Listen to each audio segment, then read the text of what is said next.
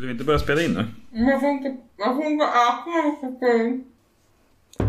inte i bordet. Nej, men skit i det. Jag har ingen boll. Jag har ingen boll. Jag har ingen boll. Kanske dansen. Jag egentligen missade det först, förra avsnitt kan man säga. Jag tänkte vi pratade inte så mycket om det faktum att du fick den här spinalhuvudvärken. Nej, det gjorde vi inte. Det missade vi. Och sen så missade vi att berätta om gonorrétoaletten på kvinnokliniken.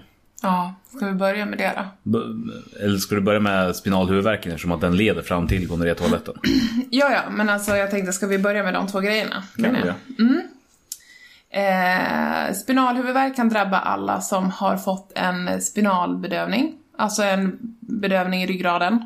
Eh, och, Det som kallas för ryggmärgsbedövning men som inte är i ryggmärgen ja, utan i, precis. i det lilla hålrummet Ja, som finns eh, i... Det, det, hålrummet heter epidural va? Jag kommer inte ihåg riktigt. jag vet inte. Det det är ett, en, ett hålrum i alla fall där man kan spruta in vätska så att hela alltihopa så Eh, min bror, om du hör det här, vad heter det? Kan du berätta för oss så vi får reda på det? Och jag fick ju då dels en EDA lagd under förlossningen, men också en eh, spinalbedövning vid, eh, innan ingreppet, kejsarsnittsingreppet.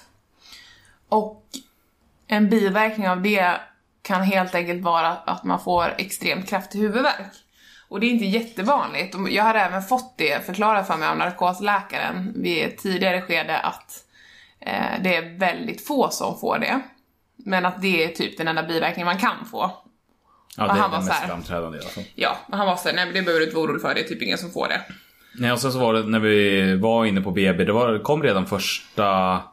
Inte första natten, men liksom på dagen efter. Ja, Alltså efter första natten, då började det liksom komma och så var hon barnmorskan in och sa ja du har lite ont i huvudet, vänta jag ska bara kolla här. Och så tryckte hon på typ tre punkter i ryggen på det så direkt monstersmärta. Så. jag började tokgråta. Och hon bara, ja, jag vet. Det här är vanligare än du tror. Jag bara, vanligt? De har ju sagt att det här är jätteovanligt. Men det var tydligen, de var ganska vana vid att folk, alltså en av tio hade i alla fall det. Nej, inte riktigt så mycket. Men det var många i alla fall. De hade, var det, sa hon inte att de hade minst en i månaden typ eller något sånt? En i veckan? Sa hon inte en i veckan? Nej, jag kommer faktiskt inte ihåg. Inte jag heller, men hon sa att det var vanligt och han sa att det var ovanligt. Jo, men det, Men det är klart, hon tar hand om folket efteråt och det gör inte han. nej. Så det är kanske den största skillnaden. nej, men sen så kanske det är olika. Det beror på vad man klassar och räknar in. Det kan ju vara så att man får det mycket lindrigare än vad, man, än vad du fick. Och den är ju, alltså om man ligger ner plan så känner man den inte, inte alls. Nej, och ännu bättre var det att ligga i den här konstiga Alltså Ja, ja. sätat. Jag vet Eller inte hur jag låg. benen uppåt, plant i typ höjd med bröstkorgen och sen lutandes uppåt. Så att du låg ju liksom inte plant utan du låg ju i ett i en sån här EKG-kurva. Kan jag också tillägga att det här är ju inte så här, ja jag har ont i huvudet, utan det här är, jag har jävligt ont i huvudet. När du reste dig upp från liggande läge till sittande så grät du nästan alltid. För att det kom liksom så plötsligt och intensivt. Ja, det gjorde så jävla ont. Men det var ju också det att du hade den här känslan av när du låg ner. Eh, så liksom, just att rummet svajade. Ja, allt gungar ja. På samma sätt som om man har druckit en jävla massa sprit. Ja. Fast utan illamåendet sa Ja. Men jag vet inte, det kan ju också vara, det kanske någon annan känner till som har blivit snittad också, att det kan ju vara en, en vanlig, alltså känsla kanske, efteråt. Men jag hade ju också förlorat ganska mycket blod och du. hade lite lågt blodvärde. 3, 1,2, vad var det? 1,1 tror jag det var. 1,1. Och gränsen för vad som är mycket går vid en liter. Nu har jag en kompis som har förlorat ännu mer vid, vid sin förlossning, så det här är liksom inte på något sätt livshotande, men det klassas ändå som mycket. Och eh, den här spinalhuvudvärken gör man egentligen inte så mycket med, mer än att dricka Coca-Cola och läsk. Eh, Kaffe. Coca-Cola och läsk. Coca-Cola och kaffe var det jag skulle säga. Eh, allting som är hög koffeinhalt. Ja, som driver ut vätska. Så man, Ja. du fick ju ordination att drick mycket kaffe och drick minst lika mycket vatten. eh, och vänta. Och sen så var det typ så här, det, fin- det finns en sak man kan göra åt det och det är att man gör en blodpatch. Eller blood patch som det också heter om man ska vara lite international. Jag tror inte det heter blodpatch på svenska. Jo, de säger blodpatch. Ja. Eh, Jakob. Eh, rätta oss om vi har fel. Jag har Det fel. måste vara så mycket i de här avsnitten som folk som faktiskt har medicinsk kompetens. Ja, precis. Jag orkar inte. inte två idioter till som håller på och sprider en massa jävla fakta som inte är på riktigt. Ja, verkligen. Ehm, men det ger man verkligen bara till de som behöver och ehm, Ja, de sa ju det i princip direkt när du fick den. Så att det här gör man ingenting åt. Drick kaffe, drick lika mycket vatten. Det här kommer att gå över av sig själv. Eh, Det enda man kan göra förresten det är, fast det gör vi nästan aldrig, det är bara på de som det är riktigt illa på. och det, det är ett kirurgiskt ingrepp så därför vill man helst inte det är ett kirurgiskt ingrepp så därför vill man helst inte göra det. Men det går ju då ut på att man tar eh, blod från någonstans i kroppen. Eh, och sen så sprutar man tillbaka det in i det här hålrummet. För att det, huvudvärken har uppstått av att det ligger kvar vätska och liksom trycker på någonting som det inte ska trycka på. Det har liksom inte, den här bedövningsvätskan har inte försvunnit utan ligger kvar och dummar sig. Eh, och man vet inte riktigt hur eller varför det funkar att eh, liksom fylla ut med extra blod. Men det funkar. Mm. Ja, och det var ju verkligen så här. jag hade väl egentligen inte... Jag har ju förstått att folk har haft det mycket, mycket värre än vad jag hade. På måndag när vi åker hem från BB så eh, känner jag nästan direkt när vi har kommit hem att jag inte mår bra, för jag lägger mig på sängen.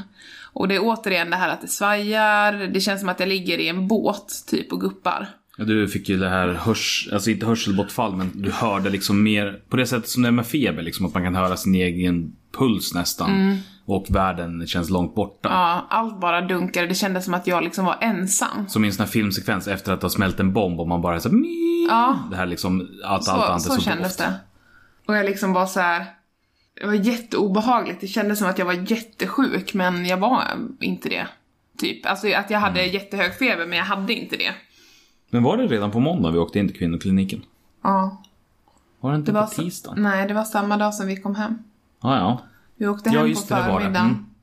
Ehm, och sen så ringde du, du ringde tillbaka till BB och var så här. Liksom, för att jag bad dig göra det. För att jag inte orkade göra det själv. Och du ringde och bara liksom, det här har hänt, vad ska vi göra? Och de bara, nej men ni får komma tillbaka. Ni får en tid på kvinnokliniken, kan ni komma? Typ. ja ni får en akutremiss liksom. Klockan är var 20 i tre och så här. Ja men eh, ni kan få en till tre men ni kan komma tidigare om ni vill. Mm. Och då när det var liksom ett sånt eh, spann i tid då kändes det som att nu jävlar nu är det bråttom liksom. Det här kanske är liksom allvarligt Ja, ändå. precis. Alltså utifrån hur det beskrevs. Och jag var så här, kan du, kan du ta en klänning till mig? Och du tog en, jag har en så här, det som hängde närmast liksom på, Ja. på sovrumsdörren. Jag har en ganska stor, en ganska stor klänning som är rätt så här hård i materialet. Eh, och som man har ett så här likadant matchande skärp typ i midjan. Så jag bara, ja men skitbra, dra på mig den, packa in barnet, åk tillbaka till BB. ehm, eller till kvinnokliniken då. Och gå in där så här och, Ja det gick ju ganska omgående från det att la på så var det så ja men nu ska vi åka. ja precis. Och kom Var- in i om, eller omklädningsrummet säger det. Kom in i, i väntrummet och det är sjukt mycket folk där inne. Och jag var så här, det här kommer ta sjukt lång tid.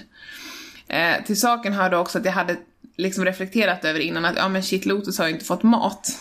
Typ Eh. i bilen på väg dit. Mm. För det, först så var det bara att vi skulle iväg. Det var inte en tanke på men ska vi mata innan? Nej precis, utan det var bara nu, nu åker vi.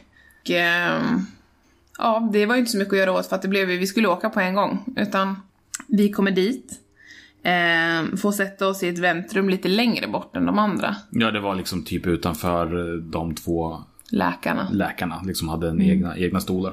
Ja, Fick sitta där och ungefär eh, samtidigt som vi skulle bli insläppta så började Lotus gny lite grann. Eh, Och när vi väl hade kommit in hos doktorn då så började han liksom skrika. Men det var liksom inte läge riktigt att säga nej men nu vi får pausa och liksom ge mat. Utan då tog jag det knepet som jag hade lärt mig från när de skulle sticka honom i handen. Liksom just att eh, köra upp lillfingret i gommen och låta honom sutta på det. och vi hade ju inte köpt några nappar till honom utan vi hade ju varit ganska så här, ja, men vi provar utan. Alltså, funkar det så funkar det. Och vi hade ju inte hunnit vara hemma med honom så himla många timmar heller för den delen. Men, eh, och läkaren började kolla grejer på mig, jag vet inte vad han är rädd för, han kollar jättemånga olika saker till balansen och Ja, du fick ställa dig upp, han puttade på dig. Och... Ja, det är jätteroligt för han är gynekolog, eller liksom så här läkarutbildad eh, gynekologläkare Eh, och det var så roligt med alla de här testerna jag fick göra. Det kändes inte så himla... Det kändes inte som hans område. på något sätt. Det var jätteroligt. Kollade lite reflexer och kollade dina pupiller och... Ja, framförallt när man liksom sitter sittandes på en gynbänk men man är inte, blir inte utsatt för en gynekologisk undersökning utan det var massa andra grejer som hände. Eh, men i alla fall så... ehm, Han kollade det och sen så beställde han ett par blodprov som du skulle göra. Eh, och då så skulle vi få gå ut i... eh, eller du skulle få gå iväg och göra de där blodproven så skulle jag sitta kvar med Lotus då och vänta. mm, han följde med mig bort till... Precis, så jag fick sitta i det här lilla väntrummet så vi var ju själva där. Det var ju inte mer än liksom fyra, fem stolar. Precis. Ehm, och själva den här blodtagnings... eh, eller rummet för blodprover, eller där man sitter och tar de här proverna, det är liksom öppet. Eller så, det är ingen stängd dörr, utan alla som sitter utanför och väntar kan se de som tar blodprov och så här. Om det är för att det tar så mycket prover så att det är liksom löpande Ja, band precis. Men de la mig i alla fall i ett rum där jag fick ta blod, blodtrycket och sen så när jag var klar med det så fick jag gå ut igen till själva blod, blodprovsrummet. Eh, och då hör jag att Lotus börjar skrika. Ja, för precis, för vid det här laget så har liksom lillfingertricket slutat fungera. Han har liksom så här nu, nu är jag faktiskt, jag går inte på det här längre. Det kommer ingen jävla mjölk ur det där fingret. Nej. Ge mig min mat. Och ändå har man känt honom så kort tid, men jag hörde direkt, jag bara men herregud det är mitt barn. Och det här är också samma dag som vi åker hem från BB så kommer den här baby blues-dagen. Alltså där jag bara är i ett tillstånd där jag gråter hela tiden. Eh, så att jag var jätte, jätteledsen när vi åkte hem från BB. Alltså jag var så emotionellt upprörd, totalt. Ja precis, för barnmorskan hade varnat att på tredje dagen då kommer det bara gråtas. Mm. Men det kom den femte dagen till. Tredje dagen då satt vi och skrattade. Fjärde dagen. Ja, vi satt och skrattade oss igenom den i alla fall. Tittade på friidrott på TV och Vi hade skrattade åt det. Vi hade jättemånga olika stadier, men det här blev i alla fall gråtdagen. Och så hör jag att han börjar gråta och jag blir så här, ja men ta färdigt blodprovet då. Och hon är så här, ja nej för jag har lite svårt att hitta och jag bara tänker för mig själv, det är som vanligt de där jävla armarna, de kan aldrig hitta någonting, de sticker mig typ 700 gånger. Och sen så till slut så hon bara, ja jag känner att du, är du, är du stressad? Jag bara, ja jag är jättestressad. Och så börjar mina tårar barn. rinna och jag är så här, ja men mitt barn han skriker där borta och hon får säga till sin kollega och hjälpa till som sitter två personer och tar liksom blodprov i armarna på mig och försöker leta så här kärl och sticka i. Och mina tårar bara forsar ner. Det var tur att ingen satt och glodde på mig när jag satt där inne. Nej, jag, jag menar, det, visst det tar inte sådär jättelång tid men fortfarande så är eh, 10-15 minuter ganska jätte, jättelång tid när det är ett skrikande barn och vi inte alls har hunnit vänja oss vid liksom vad betyder det här? Är det livshotande? Ja fast vi visste, det- ju, vi visste ju precis vad det betydde och det var så att han är hungrig. Och det känns också hemskt för att i det här fallet så hade de ju också sagt att han skulle ha mat var tredje timme. Mm. Och när vi åkte hemifrån så var det ungefär tre timmar. Så att det låg liksom precis på gränsen redan då. Jo men jag menar bara att i början så var ju skriken, i alla fall för min del, mycket mer allvarliga. Nu är det så här, "Ja, du skriker men det är inte så jävla farligt utan det är, om, jag, om det tar 30 sekunder till innan jag plockar upp det då må så vara hänt eller om det tar 5 Nej, jag minuter. känner fortfarande att jag inte klarar av att plocka upp på dem direkt. Men det här är lite olika. Men eh, vad heter det? Nej och jag går och försöker igenom den här, för vi hade faktiskt en bitring som du hade fått från ditt jobb va? Ja, precis. En present. Eh, sån här fot i, naturgummi. Ja, den är jättegullig. Så liksom försökte med den också, varvade med finger och liksom fram och tillbaka så här, mm, För den okej. gillar han ändå, han brukar tystna när han, när han fick den där. Men eh, han gick inte på det. Men till slut så kommer du liksom ner i korridoren i alla fall liksom så här riktigt, alltså du fullständigt söndergråten i hela ansiktet. Du ser ut som fucking Åmål liksom. Och sen så går du så fort så den här liksom klänningen svajar efter dig som en jävla superhjältecap och så Och så tar du liksom barnet så nu ska vi gå och mata dig. De har sagt att jag ska få ett rum och liksom. Ja. För du är riktigt upprörd liksom. Allting snurrade.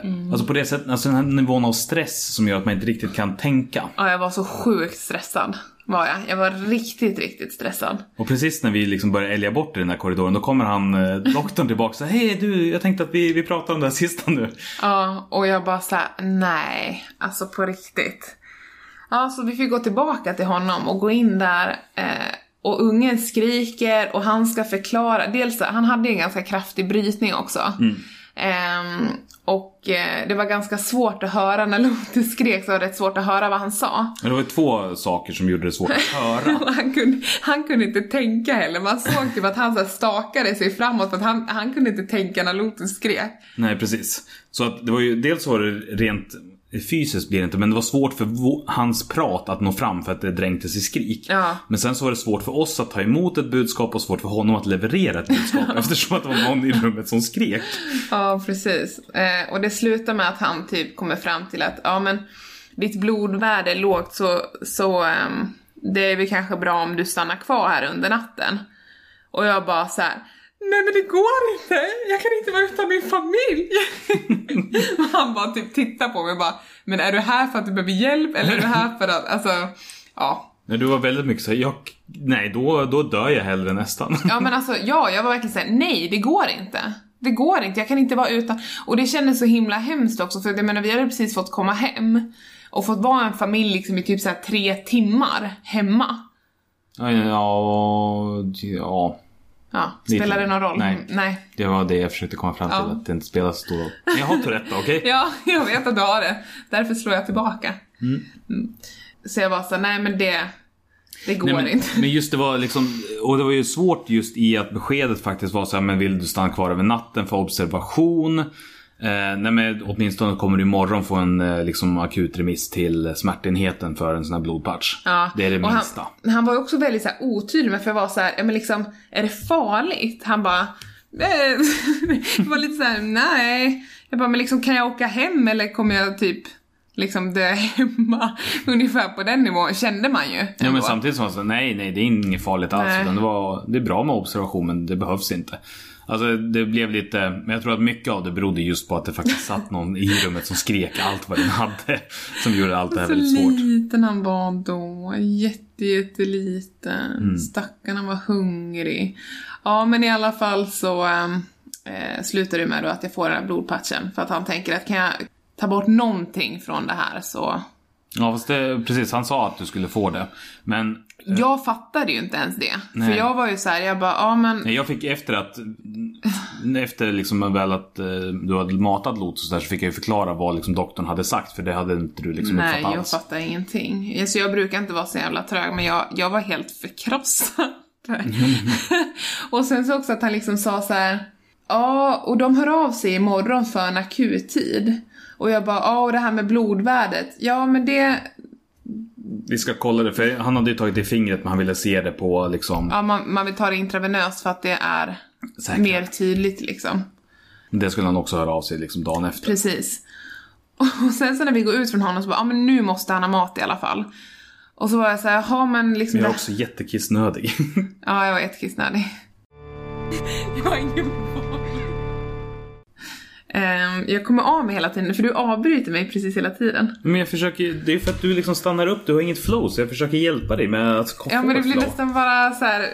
undrar om det är jobbigt att lyssna på när det liksom blir hackigt. Nej, det är ju, alltså det är nog bara du som upplever det som hackigt för att det här, det är... Jag känner att jag, jag börjar säga någonting. och sen så, eh, vad ska jag säga? Men du får klippa bort det där emellan då. Jo men det kommer ju låta när jag klipper bort det. Låter som staccato. Mm, Jag behöver inte berätta, så du kan berätta själv. är du arg nu igen? Nej. Jo. Nej, okej. Nej, men det kanske blir mer levande. Ehm, om man fyller i. Jag känner att jag är långsam också, men det här var så länge sedan. Det var ju i fredags. Eller jaha, det var länge sedan. Jag trodde du menade länge sedan vi spelade in, det var det jag inte Nu hade du tur att det inte var medvetet. alltså. Jag har ingen boll. Ehm, Vi kommer ut från doktorn i alla fall och så du är kissnödig och han ska få mat så vi Mm. skiter i liksom planen av att eh, det här rummet som vi skulle få för att amma. Ja men det var liksom, då ska jag leta upp de där personerna igen som jag hade pratat med och liksom de hade andra patienter. Det blev liksom så här. Vi bara löser det här nu. Eh, så att jag tar med mig barnet in på en toalett. Vi såg med liksom en handikapptoalett med skötbord och... Ja, bara perfekt liksom. Man, vi behöver säkert byta på honom med och jag var kissnödig och, och du var så här, om jag går och hämtar en stol. Kom in med, lyfte in en stol på toaletten och bara så här, shit. Och så ser man liksom på, på skylten på dörren så här. Vänligen desinficera sittringen innan och efter användning. Typ på grund av smittorisk. Jag bara helvete, vi är på kvinnokliniken här bara rusade runt sjukdomar och bedrövelser. Jag sitter utanför liksom bara så att fippla på mobilen, vänta lite grann för att men det fanns inte så mycket mer jag kunde göra.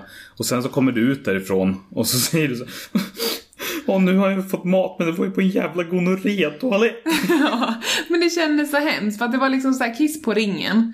Så jag fick börja med att liksom göra rent toaletten. Var- Samtidigt som man skriker. Ja, samtidigt, det här är ju samtidigt som man skriker. Jag måste kissa själv för att jag är så jävla kissnödig så jag kan inte liksom hålla mig. Och jag måste göra det före jag tar hand om barnet för att jag ska också kunna hantera, den var inte så stor toaletten ska man ju säga också.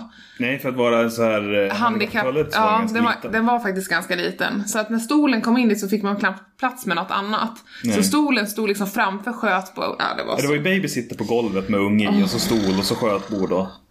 ja, det var så traumatiskt och han bara fick sitta där på sin, i sin stol på golvet. Alltså det kändes som man ville inte ha någonting i toalettborstehöjd på en så här kvinnoklinik. Nej men, Nu det, stod han inte vid toaborsten alltså men... nej, men det, det var ju lite kul för du var verkligen, alltså när du sa det här med gonorré-toalett då var det liksom inte ett skämt när du kom Nej ut, det var uppriktigt. Det var, men jag uppfattade det lite grann som ett skämt och sen så liksom gick vi därifrån och sa ja men då ska vi åka hem. Och sen så började jag märka att så här, fan det här är inte på, det var inte ett skämt, det här var fan på riktigt. Och liksom jag märker att men du är liksom i ett traumatiskt tillstånd. Och det är liksom inte på skämt. Nej. Och, och där, så började, där så var det så väldigt kul just det här med att det som var För dig så var det inte alls liksom en grej att köra 43 timmars förlossning och akutsnitt och där var det så här, jo men när skaffar vi nästa barn då? Eh, Lite mer, det var känslan. Men däremot att ha lyssnat på honom skrika i 40 minuter och mata honom Nej på en det toalett. gick inte. Ja, det, det är vansinnigt mycket mer traumatiserande. Och det tog jätte- jättemånga timmar innan du liksom kom in i... Jag vet inte om det var för nästa dag egentligen som du var... Jag var så jävla stressad. Mm. Alltså jag trodde nästan att jag, nej jag vet inte. Men sen så var det, det kom tillbaka lite grann dagen efter när de inte hörde av sig. Ja, då blev, men då blev jag också så irriterad att fan ska man alltid behöva göra allting själv? Lite så kände jag. Mm. och så fick jag typ ringa runt och sen så kom man till den där jävla växeln. Alltså varför har man en, en fråga... Jag typ arg när jag pratar. Varför har man en växel år 2017? Ska det verkligen behövas en person som svarar och kopplar vidare? De kan ju ändå inte svara på några frågor eller någonting. Jag menar, det var ju vid ett par tillfällen när du inte, inte kunde koppla heller. Ja, nej men det är det jag menar. Alltså de fyller ingen som helst jävla funktion. Nu vet jag inte om... Lite har de hjälpt dig också. Nej. Ja, en gång. Du fick ju veta vart du skulle. Ja, När du väl fick en tid. hon var inte så nöjd med att hjälpa till. Ja, men okej då. Hon kan väl få lite cred. För du fick ju trots allt hjälp till slut. Och det var ju genom växeln. Det var informationen. Ja, men- Växeln kopplade mig till informationen som gav mig information. Jaha. Det är ungefär vad jag förväntar mig. Ja men då fick du ju hjälp. Ja, men det var flera gånger den där jävla växeln svarade och de fortfarande inte ens... De har en jävla uppgift och det är att koppla samtalen vidare och inte ens det kan de lösa. Fast de löste ju det åt dig. Skaffa utbildning säger jag. Jag förstår att du är upprörd men samtidigt så, så fick du ju hjälp varje gång. Nej, jag fick inte hjälp varje gång. Jag fick tjata. Hon var otrevlig också som fan. Var hon otrevlig eller är det du som har... Nej, hon var otrevlig. Jag var Okej. trevlig. Ja, yes. Ja, jag kanske kan bli lite arg ibland, men jag är faktiskt alltid trevlig. Dagen efter i alla fall så fick du komma till eh, smärtkliniken och där så fick du en sån här blodig patch. Japp. Det var otrevligt. Var det otrevligt? ja. Alltså bror... De var ju jättetrevliga. Ja, men personalen. Jo. nu är det bara så här, låter som att jag är världens jävla BF. Är det barnet? Lät han? Det var något ljud. Han kanske bara hade lite hosta. Mm. Men i alla fall så eh, var det på smärtenheten som jag gjorde den här blodpatchen. Och det är ju, de var jätte, jättegulliga där inne. Det var för övrigt en helt typ tom avdelning. Ja, för de höll på att flytta runt. Sommarstäda. Ja, Möblera om och jättekonstigt. Jag var typ själv där. Men, eh, och det stod så här va, ja, eh, anhöriga hänvisas till eh, platserna utanför och typ lite så här mobiler ska vara avstängda och det var väldigt så, man fick känslan liksom på dörren med så här suddat glas att det här är på riktigt, typ. Så jag frågade lite försiktigt om ni fick följa med. Hon bara så ja men självklart, det går jättebra. Så det var jättegulligt, så fick du låta oss följa med in. Och där hade vi ju lärt oss från dagen innan så han hade ju fått mat liksom precis sekunder innan vi åkte hemifrån. Ja, verkligen. Och allt som allt så tog det ju typ tre timmar så det blev ganska lagom att mata honom. Ja, det var tur liksom. där. Men det var, vi hade lärt oss liksom i alla fall från dagen innan. Nej, och de var, de var supergulliga, men, men eh, Och det hjälpte ju nästan direkt. ja. Däremot så gav det ju inte, alltså. Det som jag tror i det här fallet var att jag är jätteglad att jag fick hjälp. Och det funkade, alltså det hjälpte. Men jag tror att jag hör till undantagen verkligen att med den huvudvärken jag hade, att jag fick möjligheten att göra en blodpatch. Ja, du var nog på liksom lägst, eller Ja. minst, minst problem. Jag tror det. För att han var liksom så han tittade på mig och bara förväntade sig nästan en reaktion på att jag skulle säga att det släppte och att mitt liv var bättre. Men jag var så här, ja men... Men det började med att säga, du går själv, du... Ja, precis. eh, så då förstod man ju verkligen hur illa det kunde vara. Men sen är det ju så här att, är det så att vården väl hjälper en när man har ett problem så man tackar ju inte nej till det. Jag var jätteglad att jag fick den hjälpen men, men som sagt så tror jag, jag är ganska medveten om att jag var nog kanske en utav de som hade det lindrigare. Jo, men samtidigt jag tror att det mycket var ju för att det var många grejer på samma gång. Ja, och de visste ju inte vad som var vad. Nej men precis, Det för att det... du hade ju det här med illamåendesvajningarna och sus och ja, jag mådde ju hörselbortfall. jätteilla och... jag kunde inte äta heller på flera dagar. Nej, inte riktigt ordentligt. För att Eh. sen dagen efter, efter att du hade gjort den här blodpatchen, då var vi ju till vårdcentralen. För att eh, då, nej men du mådde sämre igen. Det hade, huvudvärken hade försvunnit men de andra grejerna, ditt allmäntillstånd hade blivit sämre. Och där så fick du göra test och så var det någonting som gav utslag som kunde vara antingen för att man har varit gravid och fött barn eller så kunde det vara propp. För du hade också lite svårt att andas. Så då fick vi åka Ja, in och... för just det, för jag hade ju jätteont lungor. i ryggen. Liksom i lunghöjd så här, och då blev de oroliga för det. Så då fick jag, precis, då åkte vi till akuten och fixade, fixade lungorna. röntgade. Drack kontrastvätska och... Och då fick du inte amma på 24 timmar utan jag gav honom ersättning. Och då fick du sova första natten riktigt ordentligt sen, sen han föddes. Man ska inte säga att man önskar att man röntgade lungorna varje dag men... ja, nej men alltså det var ju väldigt omtumlande start hemma. Och sen på torsdagen så var vi tillbaka till... Nej! Då var, det, då var vi utan vårdinrättning. Men sen... Nej, vi, vi hade med vården att göra varenda dag. Hade vi det på torsdagen också? vi hade det. Men Ja, Jag ska bara komma ihåg vad det var vi, gjorde då. det var någonting ja. För sen på fredags var det midsommarafton och då var vi på det här amnings, amningscentralen för återbesök som vi skulle ha varit på onsdagen egentligen men som blev inställt när vi... Sonen hade levt en vecka och varje dag hade bestått av sjukhusmiljö. Det är ingen som har sett sjukhuset så väl som han har gjort i så olika avdelningar för sin ålder. Mm, nej, sen på lördagen så, så var första vårdinrättningsfria dagen. Ja, han har verkligen sett så här olika mottagningar. Ja, nej men Men sen efter det så släppte jag allting som tur var. nu vet jag vad det var på torsdagen. Mm. Det var röntgen av hans, eh, eller ultraljud. Just det, han hade ultraljud. Ja, av Och sitt då, gjorde du, njurbäcken. och då gjorde du någonting samtidigt också. Ja, vad gjorde jag då? För körde vi inte en dubbel? Jo, det var en dubbel. Jo, för du skulle, det var ta bort stygnen. Ja, just På drop-in. Så hade ju klamrarna. Mm. Ja. Ja, precis. Ja, så att så. Så det missade vi prata kan om. Men, eh, men det var framförallt just det här att det var så traumatiserande för dig. Ja, det var det. Nej, men jag mådde verkligen inte bra heller överhuvudtaget Nej. efteråt. Det tog jätte, jättelång tid och sen så konstaterade ju de i Köping, det var en jättegullig AT-läkare som som, alltså han var ju ändå lite så yngre och det kändes som att han ändå tog sig tiden att så här lyssna och prata liksom och Men alltså, Ehm. ska jag vara ärlig nu så här, i efterhand så tror jag nästan att mycket kan ha berott på liksom att du sov så lite, att du åt så Ja. lite, att, att allting... Du hade ju grejer på riktigt också. Ja. Alltså så här, men att allting förvärrades och blev en större grej av, av det andra. Mm, jo men alltså om man tänker efter själv, jag hade inte sovit på jättelång tid i samband med förlossningen. Och sen så hade jag inte ätit från det att vi kom hem, alltså jag åt jättedåligt i flera dagar. Ehm, och då pratade vi liksom att jag åt en halv macka och typ kände att jag ville kräkas upp det nästan. Ehm, så att det var ju, jag var ju helt... Och sen då att jag hade lågt blodvärde, för det hade jag ju också. Ja, precis. Ehm, men du återhämtade sig helt utan att du gjorde något, du åt inga extra järn eller någonting utan... Nej, för det frågade vi också honom när vi var där. Så här, kan, kan jag påverka det själv? Och han var så här, nej men det är för sent. Man kan, inte, man kan inte vända ett blodvärde som är så här lågt på genom att äta, alltså att eh, styra om kosten, utan det här är liksom att man får blod. Och det var ju då jag var så här att jag ville ha ett besked nästa dag och de hörde ju aldrig av sig, men då visade det sig att när de tog det här intravenösa provet så hade det ändå blivit bättre. Eh, så därför var de inte oroliga för det. Nej, men de sa inte det.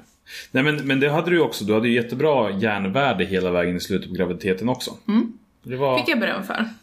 Ja, en seger herregud. för den vegetariska kosten. Ja, vegetarianer, kan man verkligen livra, nära sig på, på grönsaker bara? Ja, det kan man. Oj, oj, oj.